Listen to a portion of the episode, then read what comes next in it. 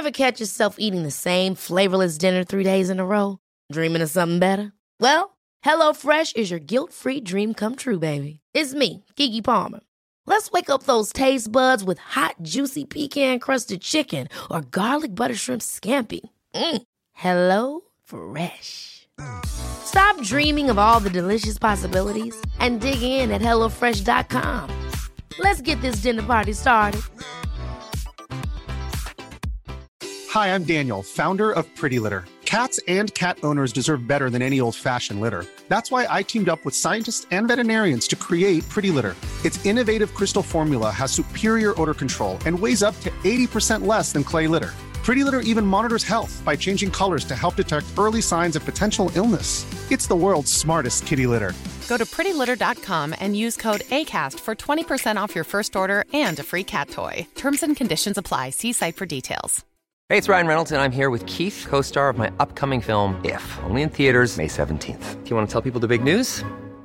All right, I'll do it. Sign up now and you'll get unlimited for $15 a month in six months of Paramount Plus Essential Plan on us. Mintmobile.com slash switch. Upfront payment of $45 equivalent to $15 per month. Unlimited over 40 gigabytes per month. Face lower speeds. Videos at 480p. Active Mint customers by 531.24 get six months of Paramount Plus Essential Plan. Auto renews after six months. Offer ends May 31st, 2024. Separate Paramount Plus registration required. Terms and conditions apply if rated PG.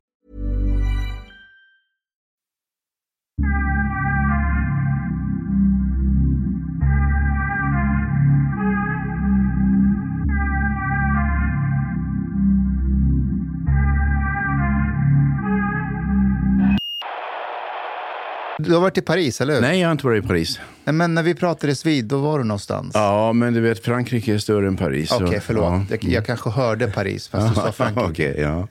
Så kan det vara. Mm, nej, jag, jag var på en t- biltur i Frankrike. Mm. Okej, okej. Ja. Nu är du hemma igen. Nu är jag hemma. Mm. Men Du körde hela vägen ner till Frankrike? Ja, det gjorde jag. Det gjorde, jag. det gjorde oj, imponerande. Hur, hur långt tar det? Du, det var... Det var, det blev, jag körde ner till Nice, det blev 275 mil. Själv? Ja, fast med min hustru vid min sida. Okej. Som co-driver. Ja. Fick hon köra någonting? Ja, det fick hon gärna göra, men det ville hon inte. Men, men eh, vad har du för bil när du kör ner dit? Hörru du, nu kommer vi in på väldigt, väldigt, eh, ska vi säga personliga, nästan till privata Oj, oj, oj, oj, oj, oj. spörsmål. Det var nämligen så här att eh, jag hade en eh, väldigt fin BMW. Eh, årsmodell 2011. Ja. Cabriolet. Oj, oj, oj. Och jag hade länge, eh, jag hade ägt den här i två år och hade länge fantiserat om att jag måste ju köra ner till Medelhavet och få cruisa efter kusten där och, och du vet, eh, med vinden i håret och allt det där. Och eh, det gick bra. Vi kom dit och jag fick känna lite vinddrag i håret. Men sen på dag tre så kom det en galen jävla rattfyllo utan körkort och utan bilförsäkring och frontalkrockade med oss. Oj, oj, oj. Fy fan. Vad, nu när du var ner den här Ja, vändan? ja, ja, för två veckor sedan. Oj. Det kunde ju slutat illa. Det hade kunnat sluta i, och det, ja det slutade illa för bilen, den blev ju bara skrot. Ja, men det är ju materiella ting. Det är... Ja, det var vad jag sa till min hustru också, att det är en plåtburk på fyra hjul. Så. Vart hon chockad? Eh, Ja, det, vars, det blev väl båda. Det är ingen kul upplevelse frontalkrocka. Det, det, det var nere i Frankrike det hände. Ja, det var mellan, mellan Nice och Antibes. Hur, upplever du när man är i ett annat land och det händer en sån sak? Det måste ju vara en väldigt... I Sverige vet man ju lite hur man ska bete sig kanske när det händer en grej. Men fick, fick du bra hjälp från fr- fransmännen? Eller? Ja, alltså det var, det var en otrolig uppställning.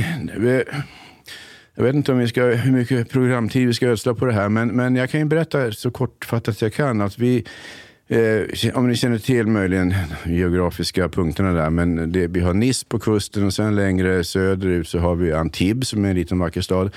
Eh, och vi åkte till Antibes, var där över dagen och sen skulle vi åka hem igen och det var en raksträcka ut med, ut med vattnet. Och ganska tät trafik i båda riktningarna. Eh, smal gata, den, det fanns inget utrymme för några manövrer hit eller dit. Och så plötsligt så svänger som sagt en tokstolle ut precis ungefär som man skulle göra en omkörning. Ja. Och bara pang, jag hann inte reagera. Jag, jag tror jag hann sätta foten på bromspedalen men inte mer än så. Nej. Och sen var det bara smack och eh, eh, krockkuddarna löste ut och Ja, hela alltihopa. Men alltså, folk runt omkring, det var otroligt vilken uppställning det var. Därför att vi, gick ur bilen omedelbart, hjälpte min hustru att kliva ur. Och eh, eh, folk stannade, jag menar folk var ju tvungna att stanna, det gick inte att köra där för vi blockerade vägen. Ja. Och då dök det upp ett relativt ungt par omedelbart. Killen plockade åt sig en sån här grön reflexväst och Ja, krängde på det. sig. Ja. Det måste man tydligen ha i Frankrike har jag förstått. Eh, och de, satt, de har fysioterapeuter båda två. De satte igång att undersöka min fru som var eh, ju omtumlad Ja. och eh, mera illa däran än vad jag var. Ja. Eh, och eh, tog väl hand om henne och sen så en annan kille hoppade ut på gatan började dirigera om trafiken och ytterligare två personer dök upp och sa att jag var vittne till händelsen. Jag kan berätta för polisen precis vad som hände och någon ringde polisen, någon ringde brandkåren och snart var alla på plats. Ja. Så det, var, det fungerade verkligen like a clockwork. Alltså. Fantastiskt. Vilken tur i oturen. Ja, kan man säga. Och sen så kom ambulansen och fraktade iväg min hustru till sjukhus. Och sen kom polisen och jag fick åka dit med dem. Eh, och sen blev vi kvar där till sent på natten.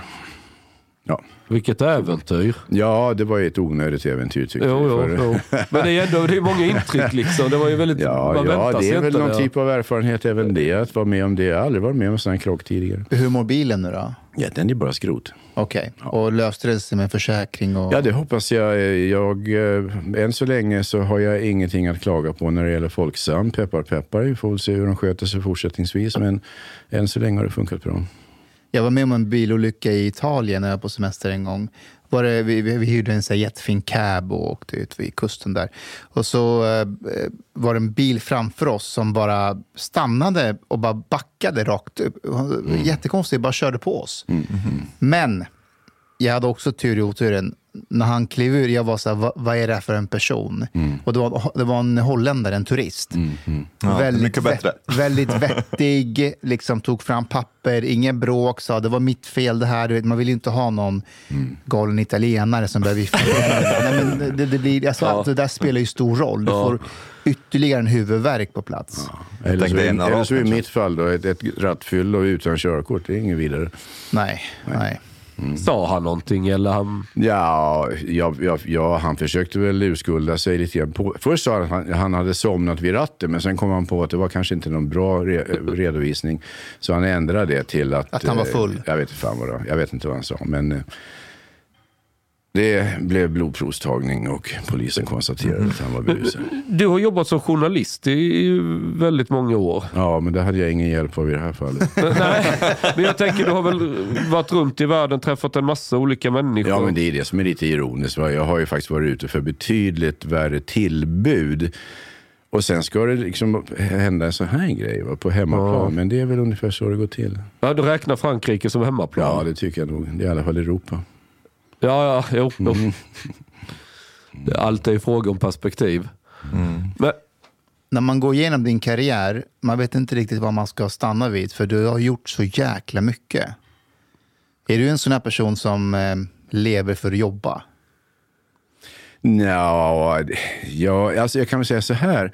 Att jag eh, tidigt i livet så eh, såg jag möjligheten att göra eh, så att säga, mitt, mitt hobby till mitt jobb. Jag, jag gillade att resa. Jag, jag började resa tidigt som tonåring, lifta omkring i Europa. Jag upptäckte att det gick faktiskt att ta sig fram på det sättet. Man kunde lifta eh, och förflytta sig och eh, det kostade ingenting. Och det där utvidgade jag sen och sen så började jag skriva på ganska enkelt sätt för diverse småtidningar och eh, ja, det ena gav det andra. Och vad skrev du om då? Ja, först, eh, först så skrev jag för studenttidningen i Uppsala, tidningen Ergo. Eh, då hade jag nyligen varit i Israel så jag skrev lite så här reportage därifrån och, och så här. Ja, du var i Israel under den tiden? Jag, var i, jag kom till Israel eh, eh, 1972.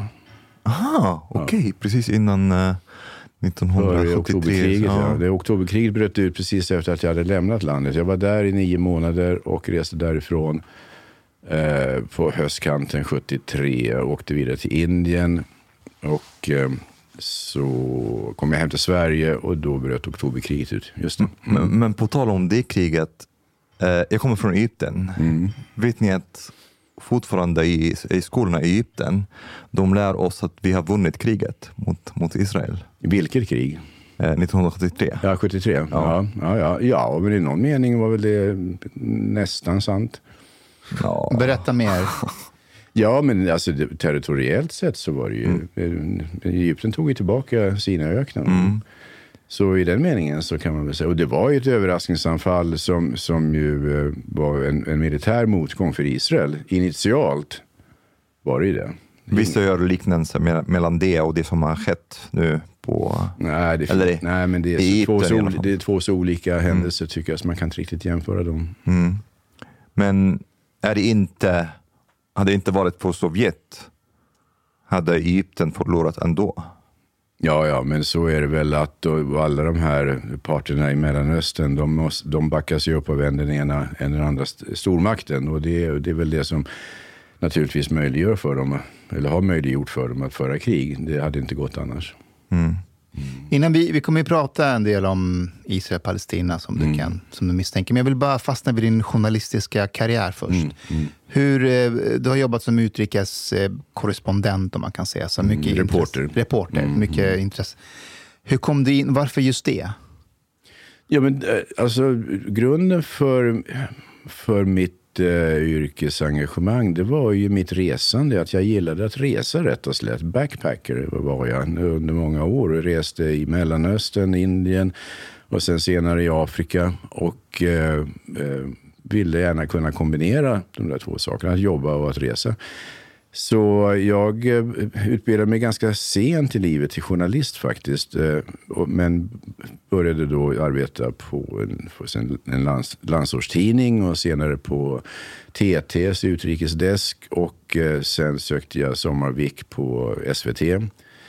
Och kom in där på Rapport och sen senare på Aktuellt. Och det här var på den här tiden då man kunde jobba eh, komma och gå lite grann i huset. Va? Eh, jag fick aldrig någon fast anställning på SVT, men jobbade ändå där under ganska många år eh, med, under diverse olika anställningsformer. Ville du ha en fast anställning? Nej, eh, jag ville inte det egentligen. Därför att det var så mycket annat jag också ville göra. Eh, Jag började skriva, jag debuterade som författare 1990 och ville kunna ägna mig åt att skriva böcker också. Och det skulle ju vara svårt att kombinera med en fast anställning med fast arbetsschema och sådär.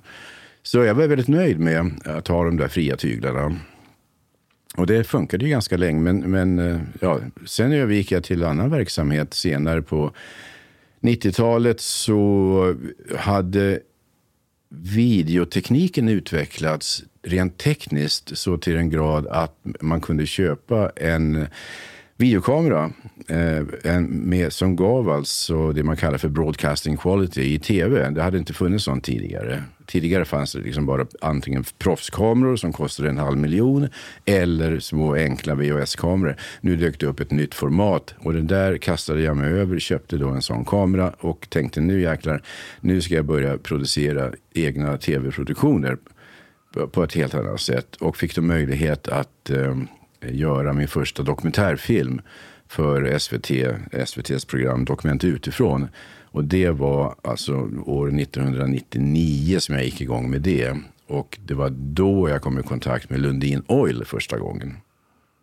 För då gjorde jag en film som handlade om eh, Sudan och det Sudans eh, nya oljeindustri som var de hade precis eh, inletts.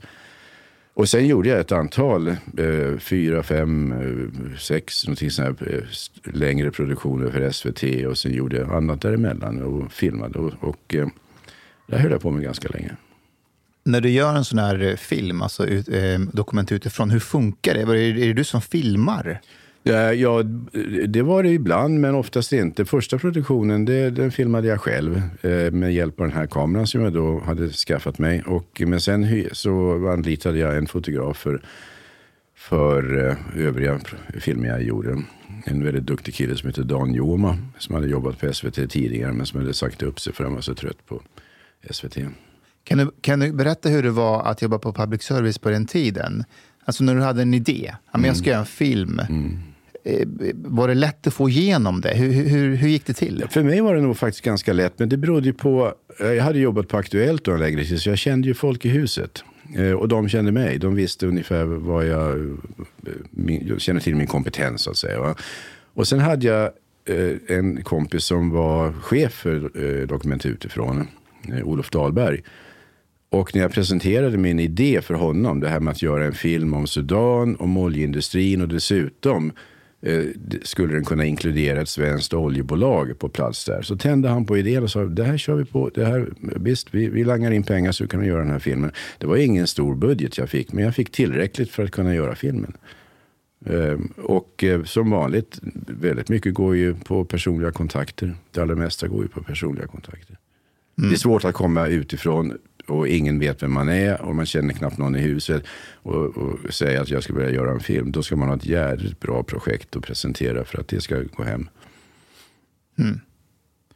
Ehm, är det något av det du har gjort genom åren, filmmässigt eller reportagemässigt, som du är lite extra stolt över? Ja, det kan jag nog säga. Alltså, jag är nöjd med allt det jag har gjort. Väldigt nöjd till och med. Eh, Jag tycker allt det har blivit väldigt bra. Eh, Ja, så när som på en film, det, det kan vi lämna därhen. Eh, Men Ja, men vad var det då? Säg lite kort. det var så här att jag fick kontakt för flera år sedan med en väldigt intressant och spännande äldre kvinna som heter Birgitta Karlström Dorf. Som hade jobbat som diplomat i hela sitt liv på, i, i diverse olika länder, i Etiopien och i Sydafrika. Och hon hade haft en mycket speciell roll i Sveriges engagemang mot apartheid i Sydafrika. Och agerat som ett slags eh, hemlig budbärare eh, mellan det svarta motståndet i, i Sydafrika och eh, svenska eh, biståndsgivande myndigheter. Eh, och eh, jag träffade henne och pratade med henne och tyckte att det här var en otroligt spännande historia hon hade att berätta om sig själv och sin verksamhet.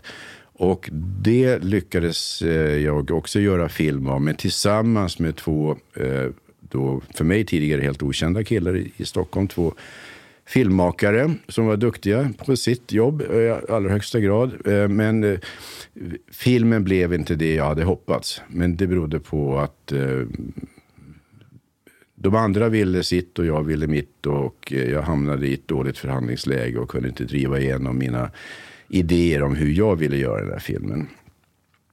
Och då gjorde jag istället så att jag skrev en bok. på, som blev ungefär det jag egentligen ville att den här filmen skulle ha blivit. Men är filmen ute? Ja, ute och ute. Den sändes ju för ett antal år sedan. Jag vet inte, nu är det ganska många år sedan. Om du får berätta, vad var det du inte var nöjd med filmen? Nej, Men alltså det blev alldeles för mycket. eh, Det blev alldeles för mycket. eh, Det blev för lite kritiskt ifrågasättande av Sveriges roll i kampen mot apartheid. Det, det blev en, en success story presenterad för tittarna som jag tycker borde ha problematiserats mycket, mycket mer. Eh, Problematiseringen uteblev. Eh, Och det här, Varför? Ja, jag tror i grund och botten därför att SVT eh, ville ha det på det här sättet. Eh, för dem var det en, en, en underbar story. En äldre svensk kvinna som spelar en hjälteroll i, i sammanhanget med att vara budbärare mellan eh, oppositionella svarta grupper i Sydafrika och eh, svenska regeringen. Eh, det var en fascinerande historia. Men som alla sådana historier så bör den, ska den problematiseras, brytas ner, analyseras för att man ska se tydligt vad det hela egentligen handlar om. Och den, som sagt, problematiseringen uteblev. Vad tyckte hon om filmen? Ja, hon var nog ganska nöjd tror jag. Det tror Hon jag. blev ju rätt hyllad. Ja, jo, ja, absolut. Hon, ja, hon hade nog ingen anledning att Men hon blev sågad i din bok sen. Nej, nej, absolut inte. Jag, såg, nej, nej, jag, så, jag hade ingen anledning, jag hyste inget Nej. agg mot henne på något sätt. Nej, det var bara det att jag ville vidga perspektivet, jag ville fördjupa resonemanget kring det svenska biståndet till, till eh, Afrika. Boken kom att heta I tyst samförstånd, Sverige och Sovjet i kalla krigets Afrika. Eh, den handlar just om det, alltså. Eh, hur Sverige och Sovjetunionen agerade i samförstånd för att stötta eh, de forna kolonierna, eller de, de som var på väg att då frigöra sig från kolonialmakterna. Och det var ju väldigt mycket fulspel där som inte har kommit till allmänhetens kännedom och som finansierades med biståndsmedel. Och det där tyckte jag var en, en bra historia att grotta ner sig i. Om jag förstår det, du får rätta mig om jag har fel, men används biståndsmedel liksom eller har använts, om vi blickar bakåt, liksom som ett geopolitiskt verktyg här för att driva igenom en, en viss utrikespolitisk linje då? Ja, i allra högsta grad. Eh, du vet, jag har ju profilerat mig som, som eh, biståndskritiker nummer ett, kanske bland svenska journalister åtminstone. Mm. Eh, och eh, eh, Eh, det hänger samman med att jag har rest ganska mycket i Afrika och fått möjlighet att se med egna ögon vad biståndsverksamhet handlar om. Eh, hur det genomförs på fältet så att säga och vilka effekter det får på afrikansk politik och ekonomi. Eh, jag skrev min första bok på det här temat 2009, tror jag det var. Jag Gav ut på Timbro som heter Sveriges afrikanska krig. Eh, som handlar just om hur svenskt bistånd då under väldigt lång tid har medverkat till att finansiera krig i Afrika. Så min, min eh, grundtes här är den att biståndet, det internationella utvecklingsbiståndet eh, används i väldigt hög grad för att hålla dåliga makthavare kvar vid makten och att finansiera deras krig. Har du eh, jag har läst boken Why Nations Fail mm. eh, och eh, de eh, är väldigt kritiska till bistånd generellt. Mm, mm. De säger att den funkar inte i princip. Ja. Um, Hänger inte det ihop med att det är, på mikroskala, att det är samma sak när man ger en, en, familj väldigt mycket socialbidrag och så tar man bort incitamenten att själv skaffa sig ett arbete. Att man blir beroende av de här pengarna och så är det mm. det man lever på istället. Anpassar sig för att få mer bidrag. Jo, alltså det har ju gjorts många sådana här jämförelser för att försöka eh, förklara för allmänheten vad det här handlar om. Det, det där som du nämnde, det är en jämförelse. Andra säger så här, tänker en, en, en, en familj med många barn där fadern super och misshandlar både fru och barn. Eh, men sociala myndigheter kommer hela tiden in och skänker dem nya pengar. Eh, ungefär så kan man mm. säga att det är i väldigt många afrikanska stater. En sak som jag har märkt med biståndsdebatten är att den kritik du till exempel kommer med mm. och förklarar att men det här är vad pengarna faktiskt går till. Det är en väldigt liten andel som faktiskt gör nytta. En ganska stor andel går till diktatur, korruption och allt sånt där. Jag blir alltid förvånad när de som jobbar med biståndet faktiskt mer eller mindre erkänner att det är så. Mm. Alltså de säger så här, ja, ja men det, det, räknar vi med, men det finns ändå en liten andel som gör nytta. Ja, jo, jo, men Vad det, säger du om det? Ja, det, jo, men det, det där argumentet det kan man ju höra vem man än pratar med egentligen, att lite nytta gör det väl ändå. Precis. Och då, det ska då urskulda all den, den onytta det gör, så att säga. Jag, jag hävdar ju att det Afrika som kontinent mest av allt behöver, det är politisk reform. Mm. Eh, därför att efter avkoloniseringen så har afrikanska stater generellt lidit av väldigt dåligt politiskt styre. Eh, och ett politiskt styre som har gjort det omöjligt för oppositionella krafter att träda fram, agera och åstadkomma någon typ av förändring. Och det här dåliga styrelseskicket det finansieras ju till, i väldigt, väldigt hög grad av internationellt bistånd. Den som sitter vid makten som president eller premiärminister, han är också den som håller i nyckeln till kassaskåpet. Så det kan förhindra den kanske demokratiska... Ja, absolut, ja. det är en enorm bromskloss. Mm. Biståndet utgör en enorm bromskloss för, för politisk reform. Mm. Och det tycker jag är den allra största olyckan. Jag tror det är samma sak i Egypten också. Ja, mm. visst. Det, det, är det ju. Men om inte USA backade upp Egypten som det gör, och, och hur skulle det då gå? Mm. Men, men, jag tänker, de som styr Sverige, alltså regering, och hanterar, vad är det, det är ju hundratals miljarder i budget varje år. Det är ju ett högskattesamhälle. Mm. Man måste ju vara medveten någonstans om att de här pengarna jag inbillar ju mig någonstans att skulle jag sitta och vara minister, utrikesminister eller på vems skrivbord det nu landar.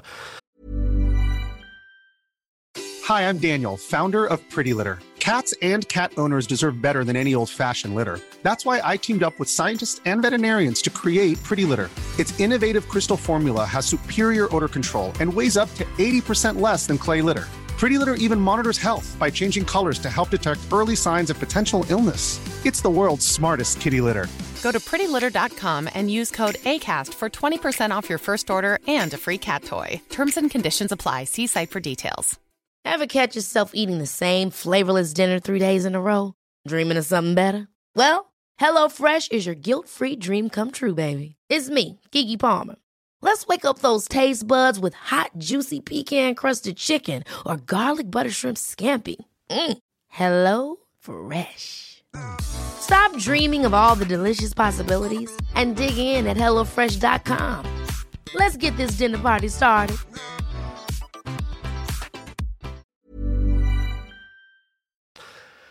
Och vi har en, jag vet inte vad biståndsbudgeten är, men den är väl tiotals miljarder? Ja, eller? ja, ja. Den, den är ju jättestor. Och då vill man ju veta varje år vad pengarna gått till. En genomlysning, någon slags re- revision och, och, och konkret. Ja. Och det här måste bubbla upp till ytan. Folk måste ju känna till det som jobbar i den här svängen ju. Ja. Varför fortsätter man? Alltså, finns det någon eh, cynisk tanke bakom? Eller, eller man bara... Jag, jag tänker alltså, som en företagare, om, jag har en utgift, anställda och de presterar inte, ja men då gör jag mig av med dem eller tar tag i det. Man låter ju inte pengar blöda iväg. Men bi, är- biståndet har ju funnits nu i vad är det, 30, 40, 50 år och bara, det bara fortsätter rulla. Fin- Jo, eh, ja, alltså det här är en, en, en fråga som inte är så himla enkel att besvara med några få ord. Men eh, man pratar ju om det biståndsindustriella komplexet Ja, och det är en realitet. Alltså. Eh, hela idén med internationellt utvecklingsbistånd föddes ju för ja, på 1940-talet eller kanske till och med ännu tidigare och har sedan vuxit och utvecklats därefter och har idag blivit en jättelik internationell ekonomisk verksamhet som för, försörjer hur många människor som helst som har sina karriärbanor, sina inkomster och, och sitt goda liv att tacka för biståndet. Eh, och eh, det är de inte villiga att avstå ifrån naturligtvis. Och, så istället för, jag menar, man, man, sig, man ställer sig inte upp i båten och, och börjar bråka och säga att vi ror åt fel håll, utan vi måste vända, vi måste göra någonting annat. Utan folk sitter still i båten och fortsätter ro åt det här hållet. Va? Därför att det är bekvämast att göra så. Mm. Men det verkar som att regeringen börjar svänga lite i frågan. Har, har du sett Johan Forssell i 30 minuter? Ja, ja. Han var väldigt kritisk till... eh, Jo, jag intervjuade honom själv för tidningen Fokus. eh, Och eh, det han säger låter väl jättebra. Att vi måste utvärdera och vi måste kontrollera att pengarna används rätt. Och är det så att de inte används rätt så måste vi kunna avbryta biståndet och lägga pengarna på annat. Men händer det då?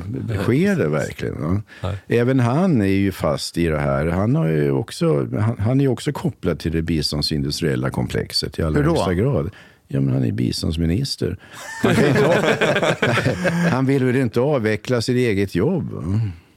Det där är annars en slogan inom framförallt eh, nödhjälpsbranschen. Vi jobbar på att avskaffa oss själva, säger de Röda Korset och Rädda Barnen och Diakonia och alla andra. Va? Vi jobbar på att avskaffa oss själva.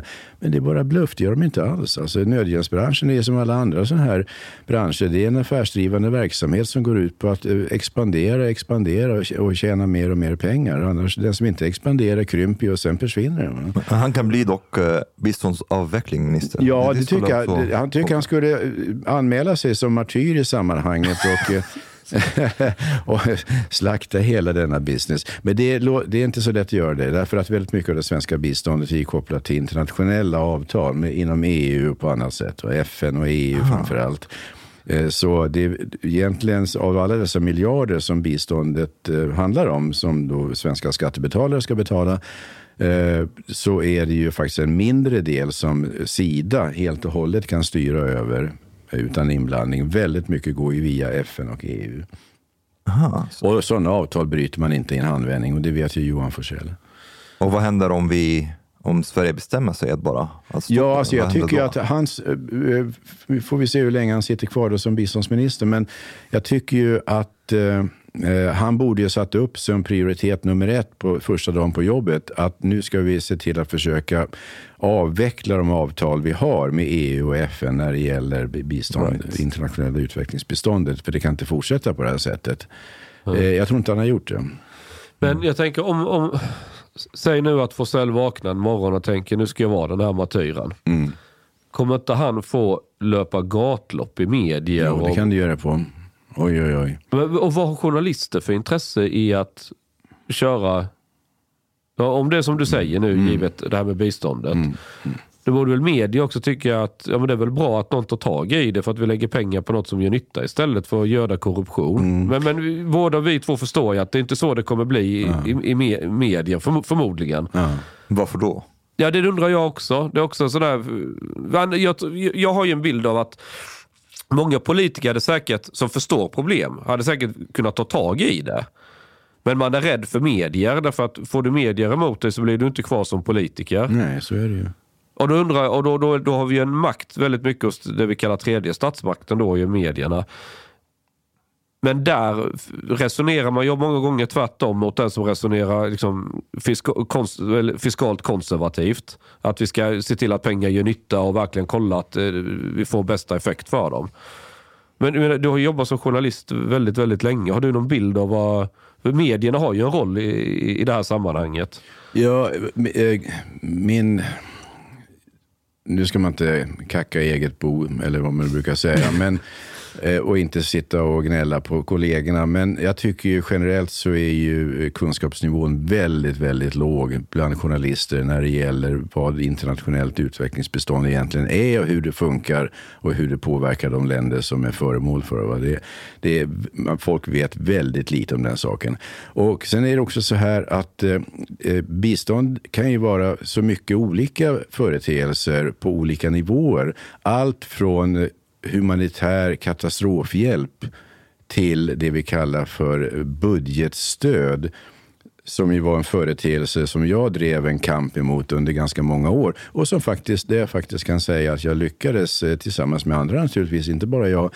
Budgetstöd var ju eh, någonting som blev väldigt populärt, eh, inte bara på Sida utan även bland andra stora internationella aktörer. Det handlar alltså om att exempelvis Sverige då skulle överlämna en stor kontant summa pengar till ett mottagarland och då skulle de pengarna gå in i det mottagarlandets kassakista och sen skulle mottagarlandet själv få använda dem efter eget godtycke för att bedriva eh, utvecklingsarbete som man då tidigare hade kommit överens med givaren om naturligtvis. Va? Men Sverige hade ingen möjlighet att kontrollera hur, hur de här pengarna faktiskt användes. Vilka länder har, har det varit som Ja, det var? Uganda fick mycket budgetstöd. Rwanda fick mycket budgetstöd. Eh, jag tror Kenya fick en hel del budgetstöd också. Eh, och det här var ju i mitt tycke en fullständigt vansinnig eh, eh, ett vansinnigt sätt att, att försöka stödja ett land. För det var ju så uppenbart att pengarna missbrukades. Och i synnerhet när de gavs till krigförande länder som Uganda och Rwanda. Det var ju solklart att pengarna användes för någonting annat än det de var avsedda för. Eh, och lyckligtvis så växte det väl med åren fram en insikt om att nej, det här var kanske inte så himla lyckat. Tillbaka till ritbordet, nu får vi hitta på någonting annat. Eh, Men som sagt, eh, bistånd kan ju vara så många olika saker. Från det som är otvetydigt eh, nödvändigt och bra, nämligen att hjälpa nödlidande människor som råkar i akut eh, nöd på grund av naturkatastrofer eller annat. Va? Ingen snack om den saken.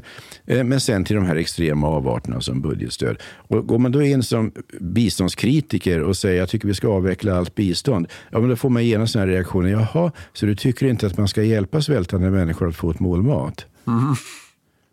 Ja, vad svarar man på det?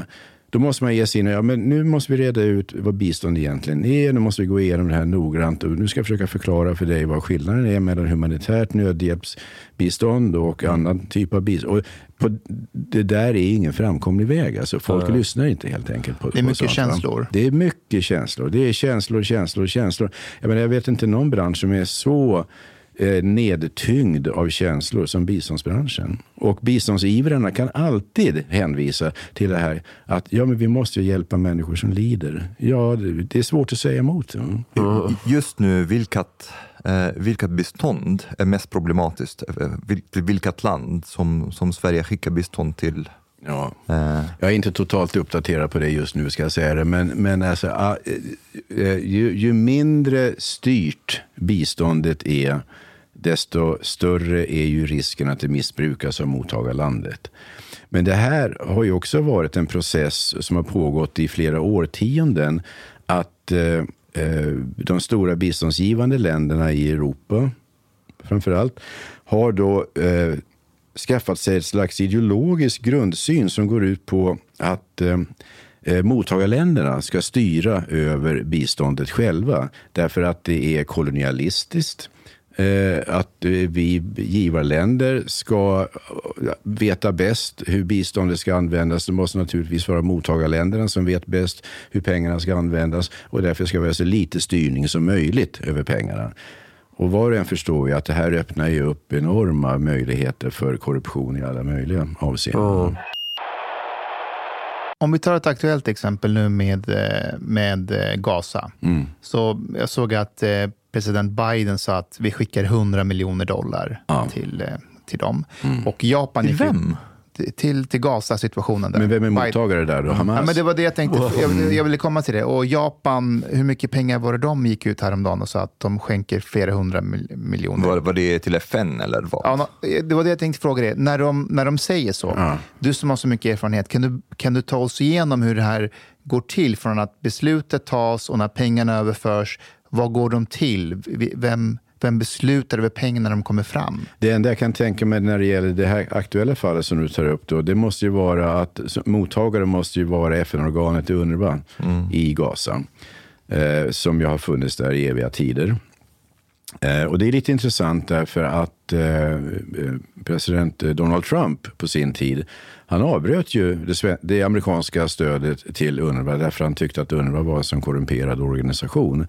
Men eh, det där har väl ändrats sedan dess och eh, jag kan inte tänka mig att Bidens pengar kan tas emot av någon annan än UNRWA. Inte vad jag kan komma på. Det är klart man det kan säkert pytsas ut till andra eh, hjälporganisationer som möjligen är på plats också. Vilka det är, det vet jag inte. Men det är sannolikt eh, sådana här som Oxfam och eh, Läkare utan gränser och sådana här. va. Det kan ju tänkas att de får del av det här också.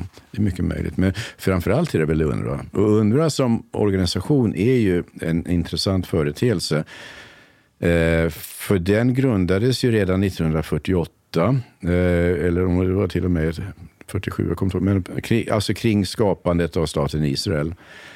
Eh, och det var ju... Eh, alltså, det här är en lång historia, men svenska FN-medlaren Folke Bernadotte, han slog ju fast innan han blev mördad av en eh, judisk terrorgrupp, så slog han fast att eh, alla de människor, alla de araber som flydde från sina hem i det som skulle bli staten Israel, hade rätt att återvända. Och det här, rätten att återvända, det etablerades ju som en, en, en portalparagraf i det här sammanhanget. Arabernas rätt att återvända till Haifa, till Jaffa, till eh, det som kommer att bli Tel Aviv. Så- Sådär, va? Och det där är det som har legat och blockerat alla försök till en fredlig överenskommelse allt sedan dess.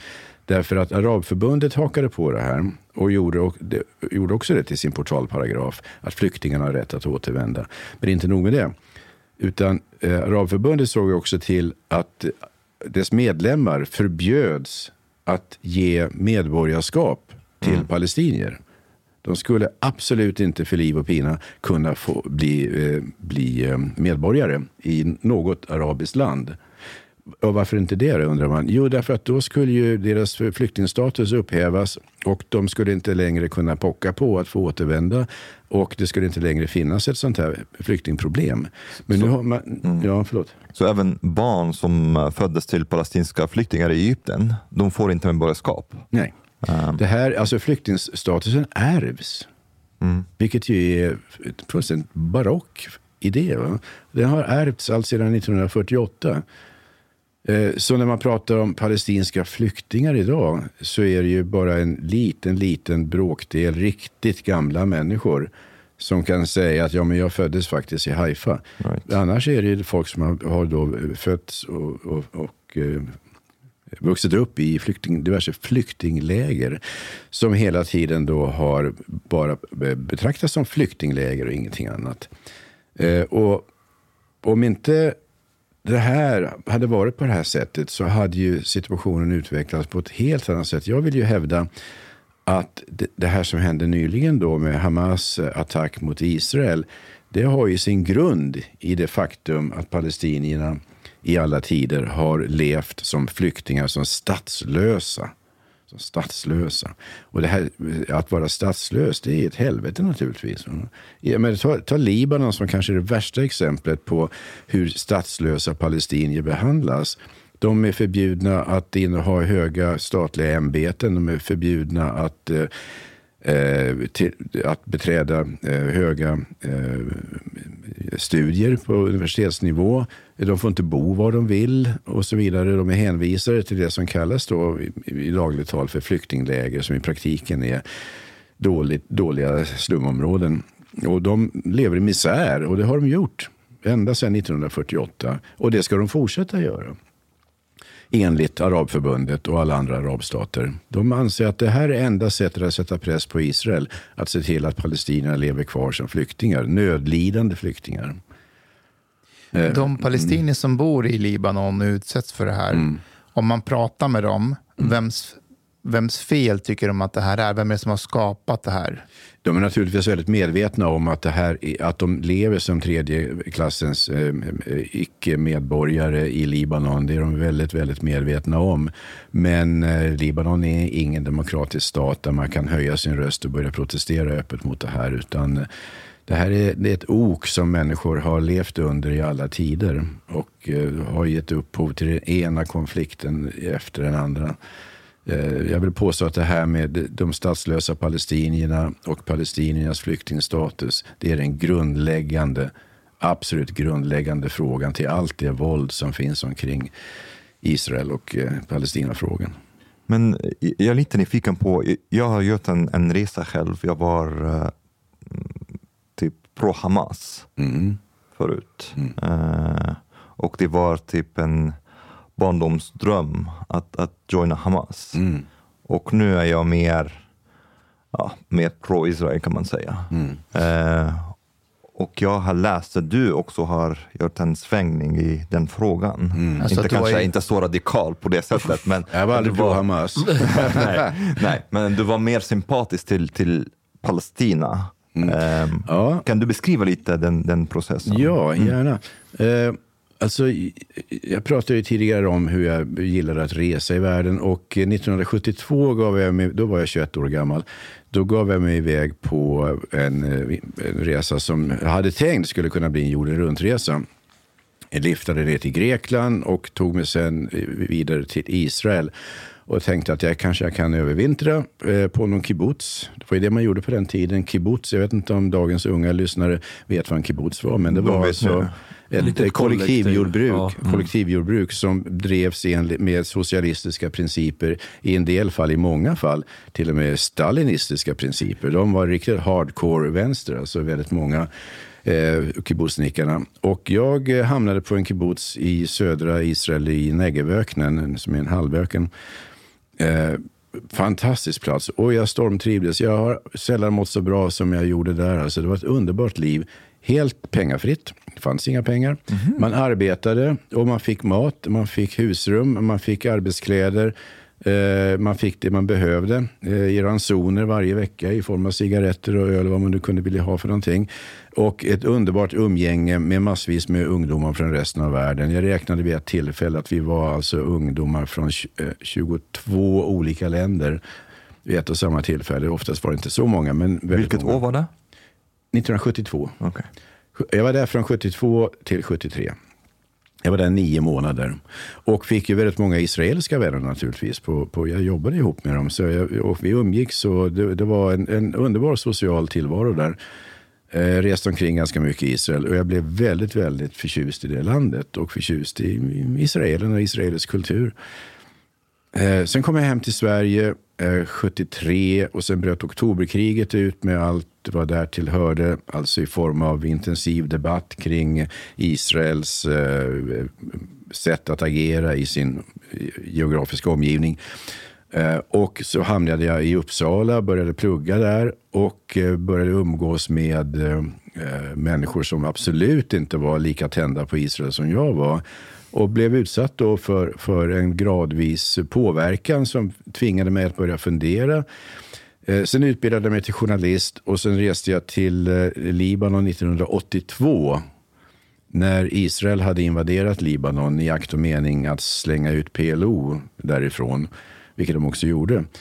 Eh, och jag reste då först från Beirut söderut, ut med kusten och ner till södra Libanon och träffade krigsdrabbade palestinier och såg flyktingläger som var jämnade med marken. Och, och sen så fick jag då som Eh, vittne praktiskt taget se eh, den här massakern i de här palestinska flyktinglägren Sabra och Shatila 1982 som ni möjligen känner till. Äldre människor känner till dem i alla fall. Det var en väldigt, väldigt uppmärksammad händelse där Israels armé medverkade till att ta livet av jag vet inte hur många hundra oskyldiga civila. Men där är det, det är lite kontroversiellt det här, eller hur? Vissa säger att det var mest Eh, de kristna miliser som... Ja, ja som, det var det Det var ja. ju Kataib, kallas ja. för. Det var ju den kristna milisen, eh, falangisterna. Eh, men de interagerade ju med israeliska armén och israeliska armén var ju synnerligen delaktig i den här massakern. De sköt upp lysraketer i luften i flera dygn i sträck så att det var som dagsljus 24 timmar. Men vissa säger att de, eh, de medverkade inte, att de bara tittade på, eller gjorde inte, ingenting. Jag vet inte, det finns, jag tror inte jag har sett något riktigt bra belägg för att de medverkade med att faktiskt döda människor direkt sådär. Men eh, tillräckligt mycket medverkan var det ju för att de skulle vara medskyldiga. Det, det var inget snack om den saken. Men på vilket sätt? Ja, just därför att de underlättade. De, de ställde resurser till förfogande för att göra det möjligt för, för Kataib att, att uh, utföra de här handlingarna. Det hade inte varit möjligt för dem annars. Det hade varit mycket svårare åtminstone. Och det här var ju en, det här var ju en, en hämndaktion från befälhavaren för, för de här falangiststyrkorna. Hela hans familj hade utplånats av PLO bara några veckor tidigare. Och, och, det var ju så kriget där bedrevs. Va? Det var ju väldigt mycket en, en, en, en sekteristisk eh, vendetta-miljö där man dödade den som tidigare hade dödat en släkting.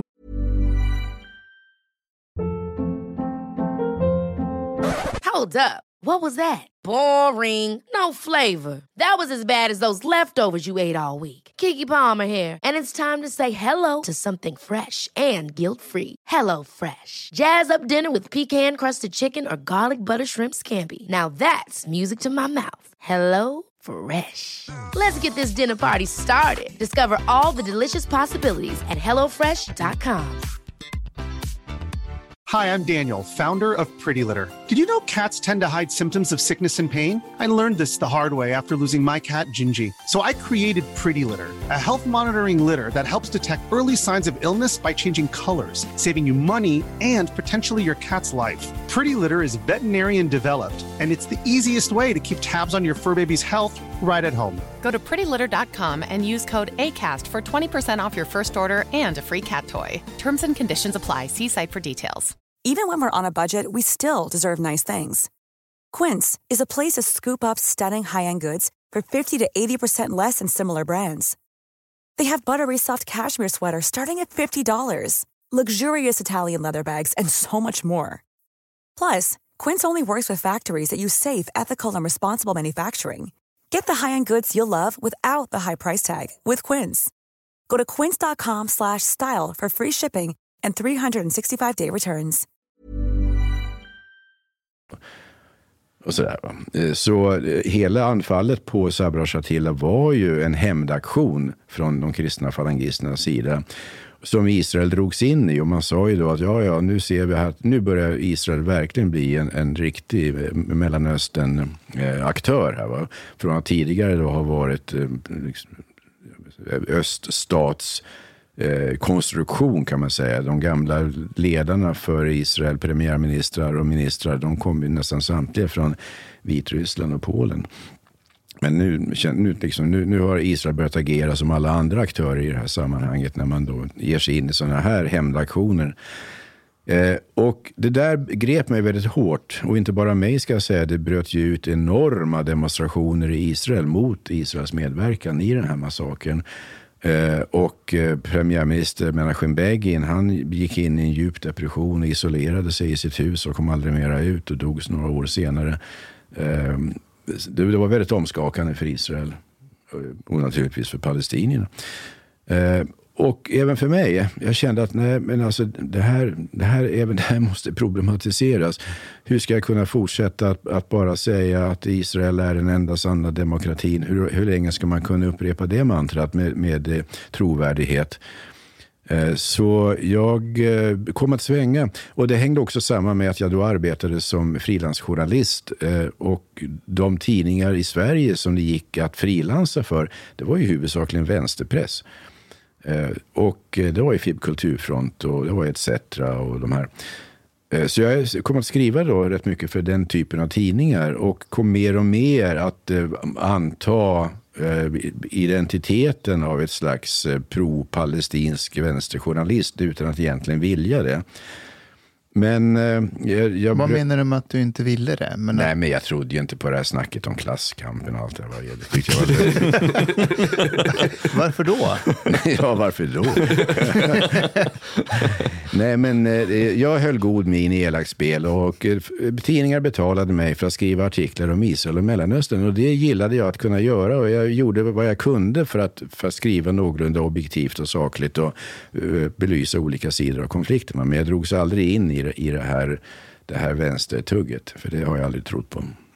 Okej, okay, ja. Men idag då? Vad, vad, vad står du nu någonstans? Nej, men i, i, i, i, det här, i min bok Israel och hennes fiende som jag gav ut för ett par år sedan så, så försöker jag förklara den här omsvängningen jag har gjort mm. som du då undrar över. Och eh, Eh, den, eh, många som har läst den där har fått för sig att, att den här omsvängningen i, i, i mitt tänkande och ställningstagande är någonting som har skett väldigt, väldigt nyligen. Men så är det ju inte. Utan det här, eh, jag var på plats i Tel Aviv när Yitzhak Rabin mördades 1995 och rapporterade därifrån för Aftonbladet.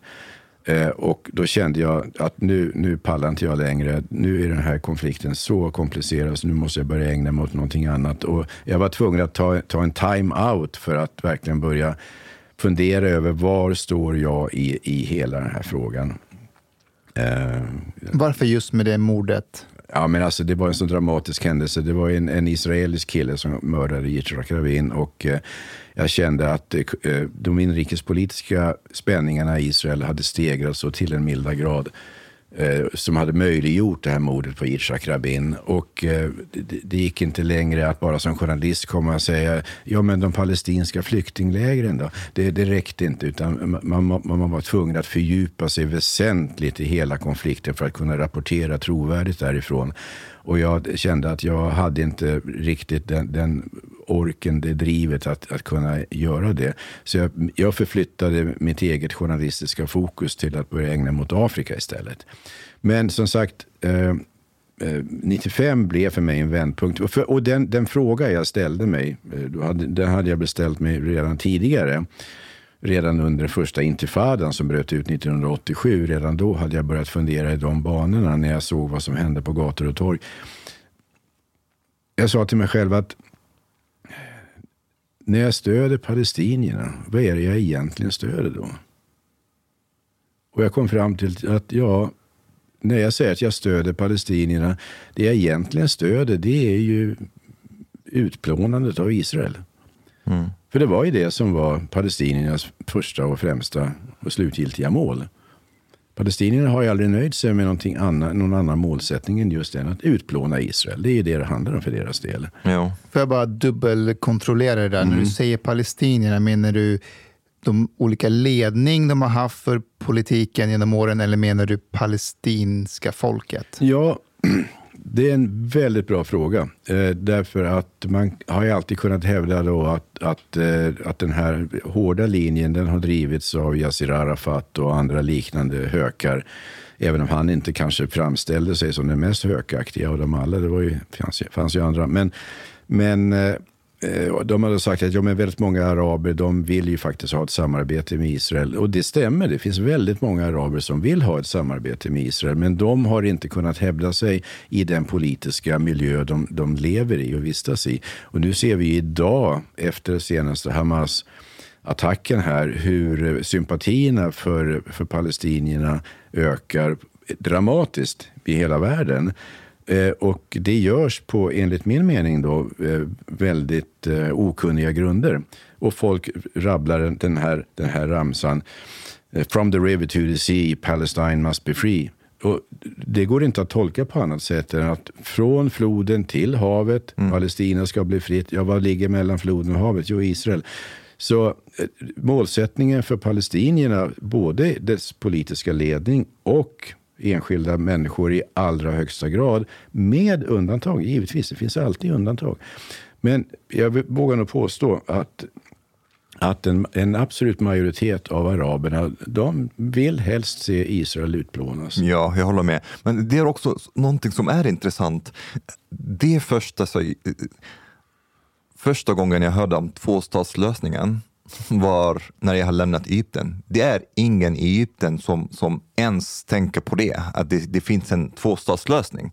För dem är det bara, det är bara allt är Palestina och vi ska typ besegra Israel eh, och judarna. Så det är bara nästan väst som, som pratar om tvåstatslösningen. Det är en sak jag också känner igen, alltså, även när det kommer till den här eh, From the river to the sea, eh, att jag hör bara vissa delar av vänstern som är väldigt investerade som gör en sån här mental gymnastik och säger att Nej, men det man menar är ju att det ska bli demokrati mellan River to the Sea och att alla ska leva tillsammans sida vid sida. Det är inga judar som ska lämna.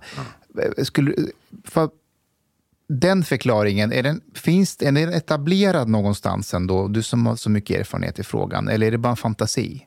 Det är en fantasi. Okej. Det är en fantasi. Eh, Det är en fantasi som är fullständigt eh, osannolik, eh, omöjlig att genomföra.